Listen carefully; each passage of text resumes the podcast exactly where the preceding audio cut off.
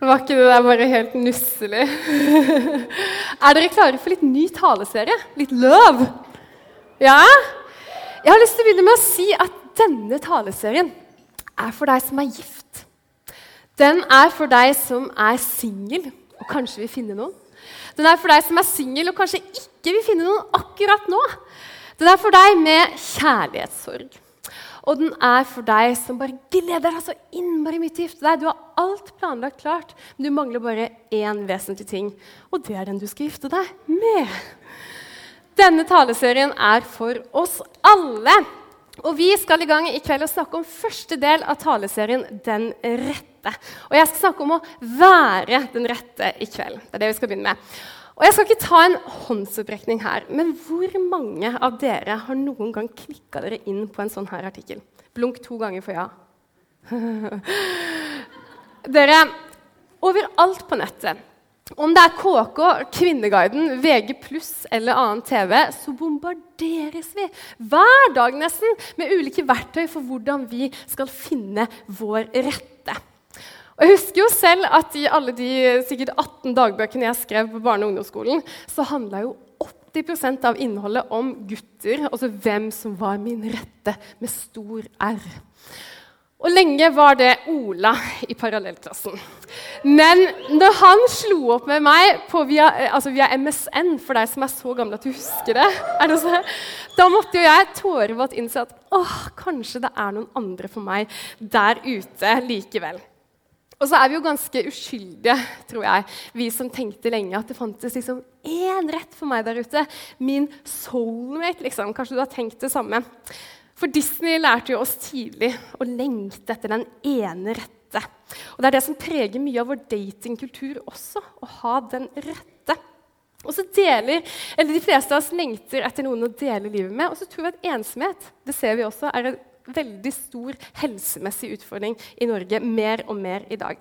Så vi skal snakke om disse tingene de neste ukene som kommer. Og det blir elsk. For vi tror ja, på alle måter. og vi tror på en Gud som bryr seg om alle aspekter ved livene våre. Og jeg tror han bryr seg masse om relasjonene våre og framtidene våre. Så du kan altså glede deg. Så Hva sier kristen tro om det å finne noen å dele livet med? Hvordan kan jeg være den rette? Hvordan kan jeg finne den rette? Og hvordan kan jeg forbli den rette livet ut? Om det i det hele tatt går an. Så gled deg, kom hit. Det blir sikkert både fint og flaut, tror jeg. Altså, det er jo ikke vanskelig å se at vår datingkultur i dag den handler ene og alene om å finne noen. Finne noen. Appene du kanskje har, det er et slags sånn butikkvindu der man legger ut det beste og fineste av seg selv. Og så swiper man, man browser på en måte helt til man finner det, noe interessant å velge. Det handler kun om å finne noen, ikke å velge noen.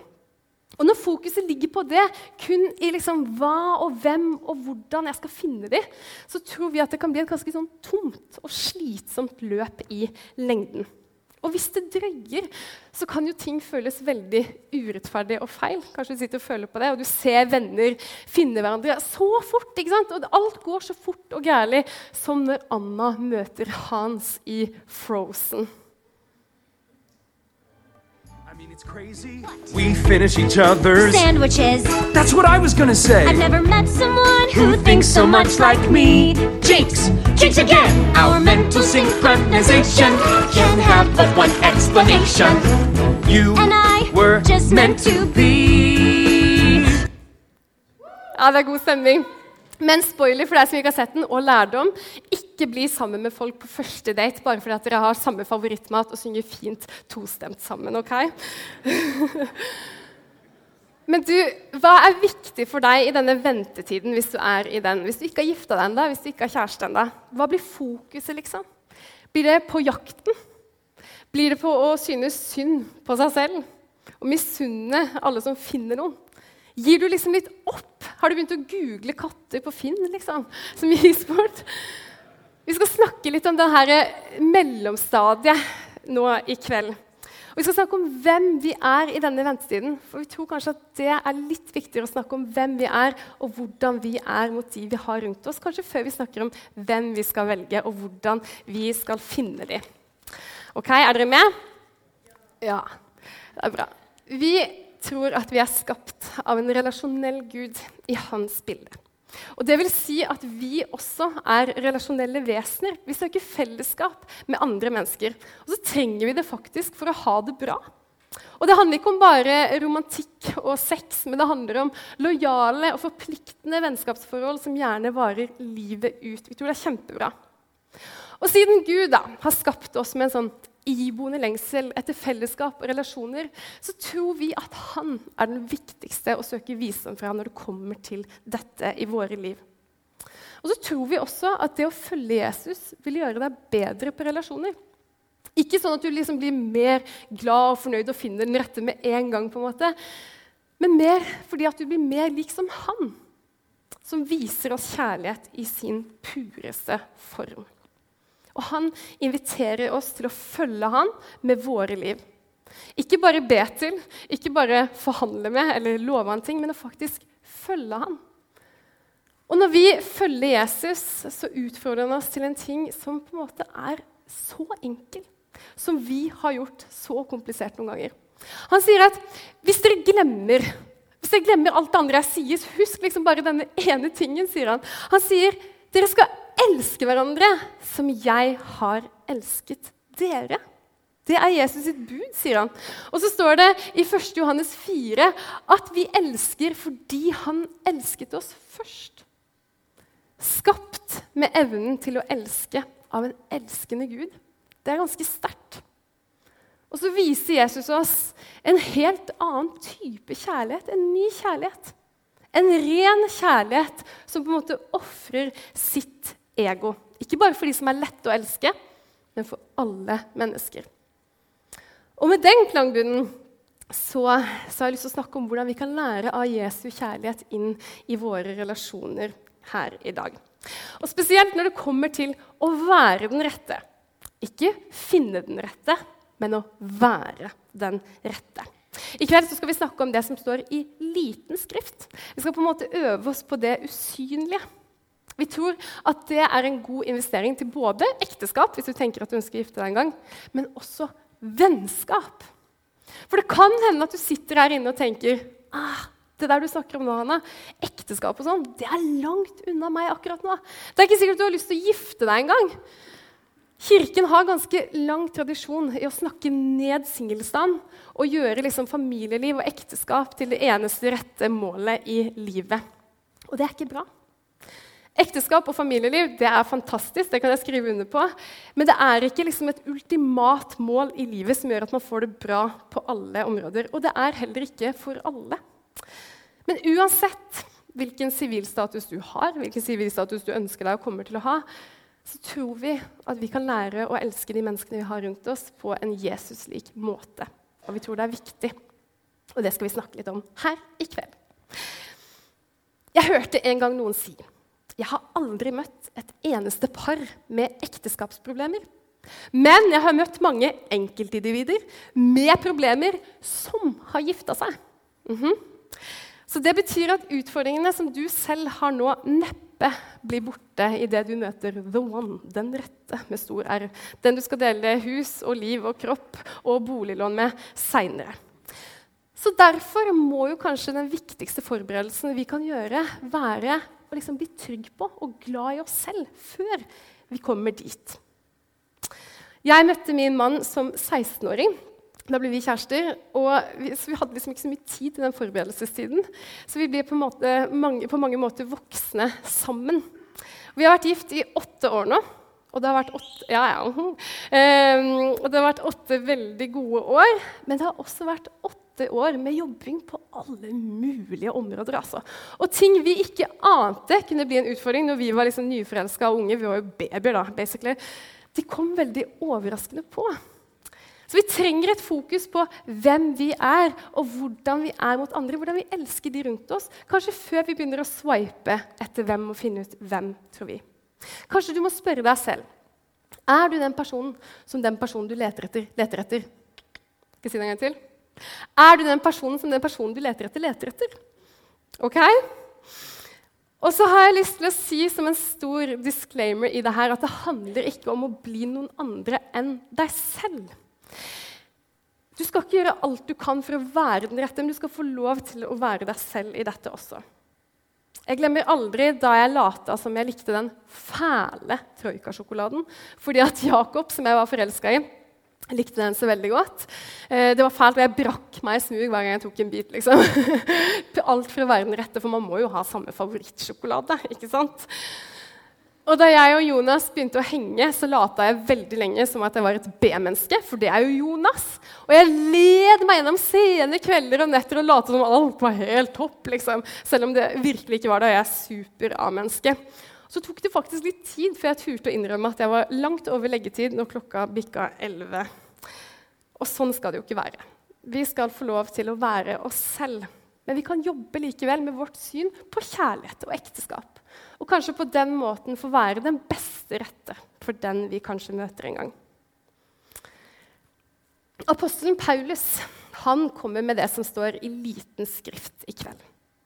Han levde litt etter Jesus, og han tar det som Jesus sier, med store bokstaver om å elske hverandre. Og så utbroderer han det. på en måte. Han tar det fra jødene til hedningene, som var ikke-jødene, og så forklarer han hva det mener. Han skjønner liksom at oh, oh, her har vi kanskje en liten kulturkrasj. Her må vi forklare det litt bedre. Så han utbroderer hva det vil si når Jesus snakker om å elske sin neste, sånn at de også kan forstå det. Så når Paulus sier liksom, 'gjør sånn og sånn', men ikke gjør sånn og sånn, så kommer han ikke med nye bud og regler og sånn. Men han, det er en slags applikasjon av det Jesus sier. Og han knytter det alltid veldig fint til Jesus og hans frelsesverk. Så skal vi inn i det som er kveldens tekst, som jeg er ganske sikker på at du har hørt, selv om det kanskje er 20 år siden sist du var inne i en kirke. For det er ikke som at Paulus sier at hei, den kjærligheten som Gud viser oss gjennom Jesus, den rene, flotte formen for kjærligheten som vi er kalt til å elske hverandre med, den ser på en måte litt sånn her ut. Og vi leser fra 1. Korinterbrev 13. Jeg føler at vi er i en vielse. Kjærligheten er tålmodig.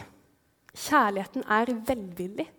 Den misunner ikke, skryter ikke, er ikke hovmodig. Kjærligheten krenker ikke, søker ikke sitt eget, er ikke oppfarende og gjemmer ikke på det onde. Den gleder seg ikke over urett, men har sin glede i sannheten. Kjærlighet utholder alt, tror alt, håper alt og tåler alt. Så nå skal vi rett og slett ta for oss noen av disse første adjektivene her som Paulus snakker om når det kommer til denne kjærligheten. Og så skal vi se hvordan det igjen kan hjelpe oss til å elske vår neste sånn som Jesus kaller oss til å gjøre. Og kanskje på den måten få lov til å være den rette. Og det første Paulus sier, er at kjærligheten er tålmodig. Den er ikke påtrengende. Hvis noen trenger seg på eller går over dine grenser, så er ikke det kjærlighet. Kjærlighet er heller det som gjør at jeg gir deg rom. Og Kanskje du har vært i en sånn relasjon en gang. Der hvor den andre personen liksom kjørte på med sin egen timeplan og sin egen hensikt uten å så mye, ta så mye hensyn til deg og hva du tenkte.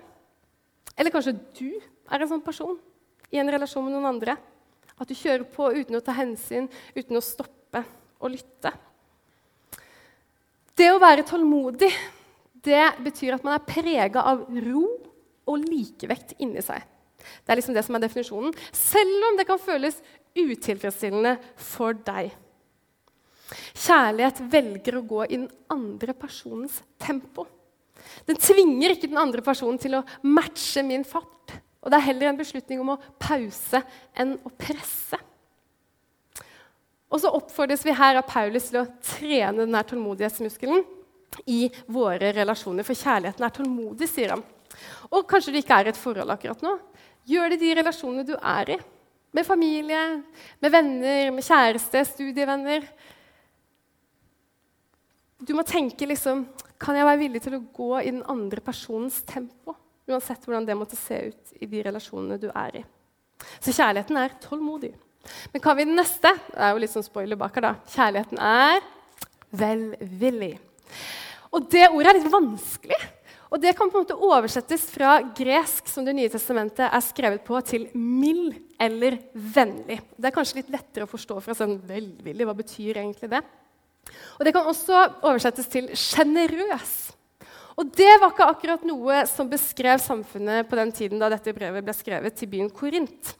For der tenkte man ikke på de fattigste i samfunnet, og både religion og kultur var veldig prega av selvoppdatert. Og jeg vet ikke, Kanskje, kanskje spesielt dere guttene da, tenker at det høres litt sånn pinglete ut å være mild og vennlig og sånn. Litt sånn Pie Jesu, om du skjønner? Men det kan kanskje heller være uttrykk for det motsatte.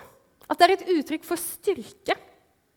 For hvis du ikke er vennlig eller velvillig, så betyr det kanskje at du ikke har helt kontroll på deg selv eller hva du sier, og hva du gjør.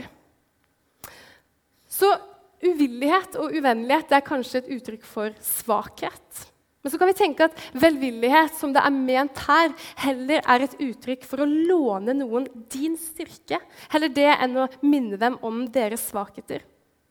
Jeg skal ikke minne deg om alt du ikke greier, men jeg skal heller gjøre for deg det du ikke greier, og låne deg min styrke. Velvillighet er på en måte kjærlighetens svar på svakhet. Og så ser vi det demonstrert i Bibelen gjennom Jesus. og Paulus sier det veldig fint i Romerne 5,8. Han sier, 'Men Gud viser sin kjærlighet til oss ved at Kristus døde for oss mens vi ennå var syndere.' Han står liksom ikke med hendene på hoftene og så gjør sånn ah, Igjen, liksom. Og rister på hodet med et dømmende blikk. Nei, han gir oss alt. Mens jeg enda var en synder som brøt løftene mine som baksnakka, som løy, som så ned på andre, var grådig og snudde ryggen til urett, så døde Jesus for meg. Og Det er akkurat det vi nettopp har feira i påsken. Jesus sier, 'Vær så god, dette er for deg'. Og den kjærligheten oppfordrer Jesus oss til å vise andre og låne dem din styrke hva er ditt på en måte, go to, default-svar på svakhet? Overser du det? Svakhet hos andre? Gnir du det inn? Eller reiser du opp den svake? Syns du det er litt deilig når andre har svakheter som du ikke har? Eller ser du muligheter til å få være en person som løfter andre opp og gir en hånd og ikke et dømmende blikk? Hvis du er på dateren eller tenker at du kommer til å være det en gang, så følg med på hvordan den personen du er med, møter andres svakhet. For deres respons på andres svakheter vil til slutt bli deres respons på din svakhet. Så det var et par gode adjektiv om kjærligheten. Men så gir Paulus oss tre ikke-ord om kjærligheten. Han sier at kjærligheten misunner ikke, skryter ikke og er ikke hovmodig. Kjærlighet får den andre personen til å blomstre, til å skinne. Og Det fins nok av triste historier om mennesker som har vært forelska, og så har de blitt sammen, og så, men sakte, men sikkert som de har vært sammen, så har den ene parten i forholdet visna hen fordi den andre tok så mye plass. Men kjærlighet er å være villig til å legge ned sitt eget. Til å være i stand til å feire, feire andre menneskers suksess. Og til å tenke at meg og mitt det er på en måte ikke alltid det viktigste. Og Hvis det er noe inni deg som syns det er vanskelig å unne andre mennesker å lykkes uten å liksom føle at oh, her må jeg hevde meg selv litt, så er det noe inni deg som du må jobbe med. Eller svekker det din evne til å elske sånn som Jesus kaller oss til å elske? faktisk? Jesus bøyde seg ned og vaska disiplenes føtter selv om han var Gud og de fint kunne vaska sine egne. Han kunne jo bare sagt hei, hei, hei, dere, jeg er Gud her. Og så kunne han fått mennesker til å gjøre egentlig hva han ville. Men det gjorde han aldri.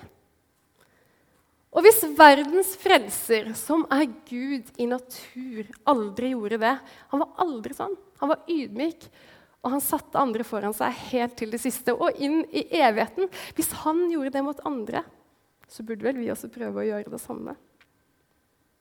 Han som fortjente det mest av alle, krevde ikke plassen og anerkjennelsen for hvem han var, og alt han greide. Og han gikk inn i den mest ydmykende døden for sine venner, Og så sier han at vi skal elske som han har elska. Og vet du hva? Jeg tror det er det i Bibelen som utfordrer meg mest av alt. Og hvis det er vanskelig for deg Det er vanskelig for meg. Hvis du sliter med hovmod, misunnelse og behov for at andre skal se alt du greier å få til, så oppfordrer jeg veldig til å gå til forbønn i kveld. Det er forbønnsrom der inne som er åpent etter talen. Si det ut, og få hjelp til å feire andre mennesker, så du kan elske sånn som Jesus elska. Vår kjærlighet til andre skal få mennesker til å blomstre og ikke visne. Og I forlengelse av alle disse ordene som Paulus eh, nevner, så er det også noe vi må snakke om. Fordi at mange tenker at jeg må på en måte finne ut hvem jeg er, før jeg det hele tatt kan vurdere å gifte meg. Jeg må få min plass i rampelyset, liksom leve det livet jeg egentlig vil leve, før jeg blir satt med kone og barn. Kanskje du har tenkt litt sånn? Og I Disney-filmen Vaiana fra 2016 så får Vaiana, som er kronprinsesse på en polynesisk øy det er kanskje noen som har sett den der inne, hun får beskjed om at hun har masse plikter og ansvar som hun må ta eh, seinere i livet. Men det vil hun ikke. Hun vil ut på eventyr. ikke sant? Du har hørt sangen? See the line where the sky meets the sea. Na, na, na. Og da synger eh, bestemoren hennes også en sang for henne som handler om at hennes sanne jeg er ikke i hva hun gjør og hennes plikter, og sånn, men det er i hennes indre lyster.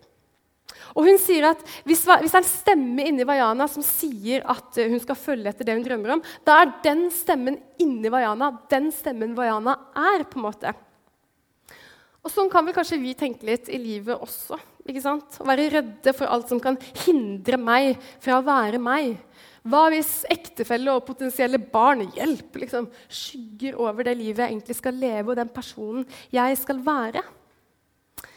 Dette er en moderne tankegang. dere, At man liksom finner seg selv ved å se dypere inni oss selv. Det er en illusjon at man finner seg selv ved å se dypt inni seg selv, heller enn i relasjon med andre mennesker rundt oss. For jeg vet at i mitt hjerte så er det ganske mange selvmotsigende ønsker. På den ene siden så vil jeg så veldig gjerne selvfølgelig være en god og tilstedeværende mor for barna mine. Men på den andre siden så skulle jeg ønske at jeg var en backpacker som opplevde verden med sykkel og sekk på ryggen, helst uten barn, liksom. Vi kan være så delt i hjertene våre. Frykt og sinne eksisterer på en måte på siden av tro og framtidsplaner og håp. Og Det å skulle sortere disse og finne ut hva er egentlig meg i dette, det er ganske vanskelig. For tenk hvis alt er meg i dette. Og Pastoren og teologen eh, Tim Keller han snakker om det her, og han sier at vi må finne ut hvem vi er, for å se på de rundt oss også. Vi beundrer og respekterer noen individer eller grupper som har synspunkter og verdier vi tar til oss og gjør til våre hjertene våre. Så da utvikler vi en identitet som ikke bare ved å se inni oss selv, men også gjennom viktige relasjoner og narrativer som på dypet sier hvem vi er. Det var kanskje litt heavy. Jeg håper du skjønte noe av det. Det holder altså ikke bare å ta en titt inni oss selv. Og Derfor er vi så veldig avhengige av å ha gode og ærlige relasjoner til andre mennesker. F.eks. i en smågruppe. Connect her på Touchpoint, som du hørte snakk om. Meld deg inn. Eller ved at du har en mentor. En som kanskje har gått løpet veien litt lenger enn deg, som du kan speile deg i i ny og ned. Det er viktig. Og så kan du også tenke at du sitter her inne og kjenner at ah, det her med ekteskap det er bare fine ord. Det funker ikke i realiteten. For du har sett hvor giftig ekteskapet kan bli. Kanskje du har blitt redd. Kanskje du er skilsmissebarn eller har vært tett på et ekteskap der hvor alle disse ordene som er negative, har vært eh, med og prega. Men det trenger ikke å bety at ditt framtidige ekteskap trenger å bli sånn, eller noen ekteskap i det hele tatt. Og Nyere forskning viser faktisk at å være utsatt for dårlig ekteskap gir flere gode verktøy og ressurser til å bygge nye og varige ekteskap. Så tror vi at det er kjempeviktig å ikke gi opp ekteskapet bare for at man ser at noen feiler, for det er viktig. Eller for at det stopper deg fra å leve det livet du kanskje ønsker eller tenker at ekteskapet vil skygge for. Ekteskapet er en fantastisk fin, trygg og en sånn gjensidig forpliktende ramme for samliv i det som i dag kan føles som en ganske kaotisk verden. Det skal, du, det skal, du, få høre mer om de neste ukene. Og så tror vi også at det er en fin plass der man kan få bli kjent med seg selv før man på en måte finner ut hvem som er mitt sanne jeg. og alt sånt også. Så kan du få øve på å vise den kjærligheten som Jesus viser oss. Det var en liten, stor uh, sidespor. Men den siste tingen som jeg tenker vi skal snakke om, som Paulus viser oss ø, om kjærligheten, det er rett og slett at kjærligheten krenker ikke. Kjærligheten snakker ikke nedverdigende om kvinner eller menn.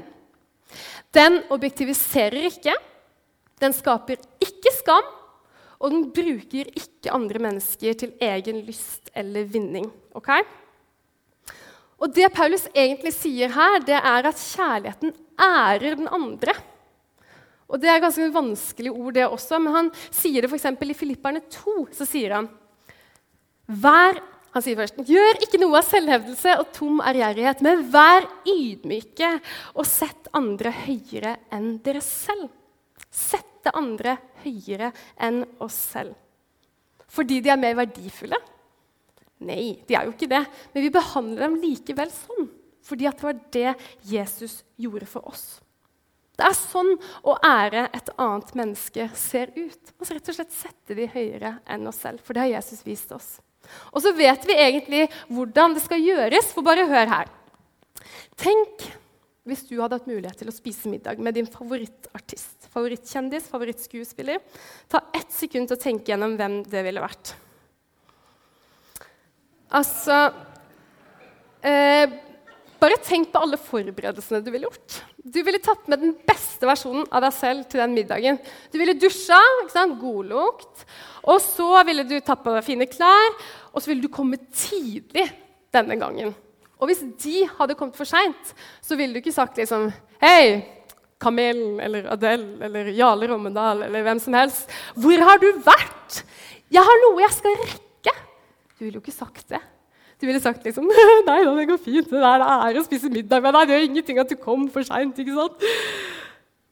Det er sånn det ser ut å ære andre og behandle dem høyere enn deg selv. Og det er sånn Jesus gjør også. Og så sier han dere skal ikke bare elske, dere skal elske som jeg har elska. Og hvis du er i en relasjon der du opplever at du ikke blir æra, så er kanskje ikke det en god relasjon å være i. Eller du er en relasjon der du opplever at du krenkes eller objektiviseres, til og med, så er ikke det en relasjon du burde ha. Du fortjener så mye bedre. Og din verdi er så mye større enn det. Og hvis du er en sånn person som oppfører deg sånn i et forhold, så få hjelp til å komme ut av de mønstrene som du er fanga i. For du er kalt til å ære mennesker sånn som Jesus ærer dem. Så det var noen adjektiver som viser oss hvordan kjærlighet som Gud mente det til å være, kanskje burde være hos oss. Så vi vet at dating handler ikke nødvendigvis om å finne noen, men å være en også. Å være den personen du selv ser etter, kanskje. Så kan du jo være en person som skryter eller er håndmodig og som krenker, og sånn, som ser etter en person som har alle de gode egenskapene som vi har hørt også. Men det vil ikke være godt for noen. Og du vil definitivt ikke lære å elske mennesker sånn som Jesus ønsker at vi skal elske dem. Det handler om å trene disse musklene, som gjør oss til velvillige, milde, vennlige, tålmodige mennesker. Det er sånn du blir en sånn person man vil være med. En sånn person man ber om å få sendt sin vei. En sånn person man ser etter. Det er sånn du blir en sånn person som den personen du ser etter, ser etter. Mm -hmm. Og så er det fantastiske egenskaper å øve på i de relasjonene du er i nå. Om du er venn, eller om du er kjæreste eller familie, så ta de med inn i de relasjonene. Og kanskje etter hvert inn i en livsvarig relasjon i ekteskapet. Og Mange gifte folk tror at dette kommer av seg selv når man gifter seg. At du ikke trenger å øve noe på det, disse egenskapene. Men tro meg, du vil trenge det mer og mer jo eldre du blir, tror jeg. Sant, Marius? Jepp. Og kanskje når du gifter deg, så vil du se verdien av å trent ut disse egenskapene også. Du vil se at du kan få lov til å være en sånn person som får en annen til å blomstre, til å skinne. Og du vil lære å elske på den uselviske måten som Jesus lærer oss å elske. Og så får dere barn, og så skjønner du hvor fæl du kan være. Og Så må du begynne å øve de egenskapene helt på nytt. Men du, kirken heier på gode relasjoner. Vi i Touchpoint heier på gode relasjoner mellom venner, mellom kjærester og i familier. Og vi tror at det er kjempeviktig å snakke om i kirken, fordi det berører en så stor del av livet vårt, og vi tror at Gud bryr seg skikkelig om det. Og så skapte Gud oss til relasjonelle vesener. Og han har skapt oss til vennskap og kjærlighet. Og vi tror at vi er kalt til å vise hvem vi tilhører, og faktisk til å endre verden på små og store måter gjennom å elske sånn som Jesus elska. Uselvisk, hvor vi ikke er sentrum i verden, men hvor vi kan få andre mennesker til å skinne. Sånn tror jeg vi kan bli gode for de rundt oss, og kanskje også på den måten få være den rette. Og ikke vær redd for å be om hjelp og visdom i disse tingene. Veldig mange jeg har møtt i sånn forbønnssituasjon, beklager seg så veldig når de kommer for å få forbønn for kanskje velsignelse for relasjoner eller kjærester eller ekteskap. Eller til og med å be om å få sendt en god fremtidig ektefelle sin vei. Men det er ikke noe å beklage. Det er kjempeviktig, og vi tror det er superbra å søke Gud i de beslutningene. Det står i hans ord at 'ikke vær bekymra, men legg alt du har på hjertet foran Gud i bønn'. De store tingene, de små tingene og alt som er midt imellom. Og Det håper vi at du har lyst til å gjøre de neste ukene her på Touchpoint når det kommer til dine relasjoner. Ok? Har vi en deal? Ja, det er bra. Dere, la oss be sammen. Kjære, gode Gud. Takk for at du ser på oss og smiler. Ditt fantastiske skaperverk. Og takk for at du vil det beste for oss. Hjelp oss til å søke deg i store og små beslutninger i livet og stole på din omsorg og din timing og din inngripen i livene våre. Og Jesus, du viser oss Guds kjærlighet på korset, hans farshjerte for oss. Og takk for at det, er en gave som gjelder hver eneste en som ønsker å ta imot Jesus. Og så ber jeg deg for oss her inne, hjelp oss til å elske mennesker som du elsker, Gud til å se mennesker med dine øyne. Til å legge vårt eget ned, sånn at vi kan få være mennesker som løfter andre opp, Jesus. Og så ber jeg deg om at det skal gå rykter om de som går på touchpoint. At her er det mennesker som elsker sånn som du elsker. Det er noe spesielt med de som går her, Herre. Rør ved hjertene våre. Så jeg har lyst til å be deg litt ekstra i dag for de som syns det er vanskelig med relasjoner. Og de som lengter etter å dele livet med, de som kjenner seg ensomme. Gud. Du ser hver enkelt som sitter her, og hva de har på hjertene sine. Kom og rør. Kom og helbred. Og kom og skap fantastiske og gode relasjoner her, Jesus. La det begynne her i dag. Gjør oss frimodige også, så vi griper de mulighetene vi har rundt oss. Det ber jeg om, Gud. I Jesu navn. Amen.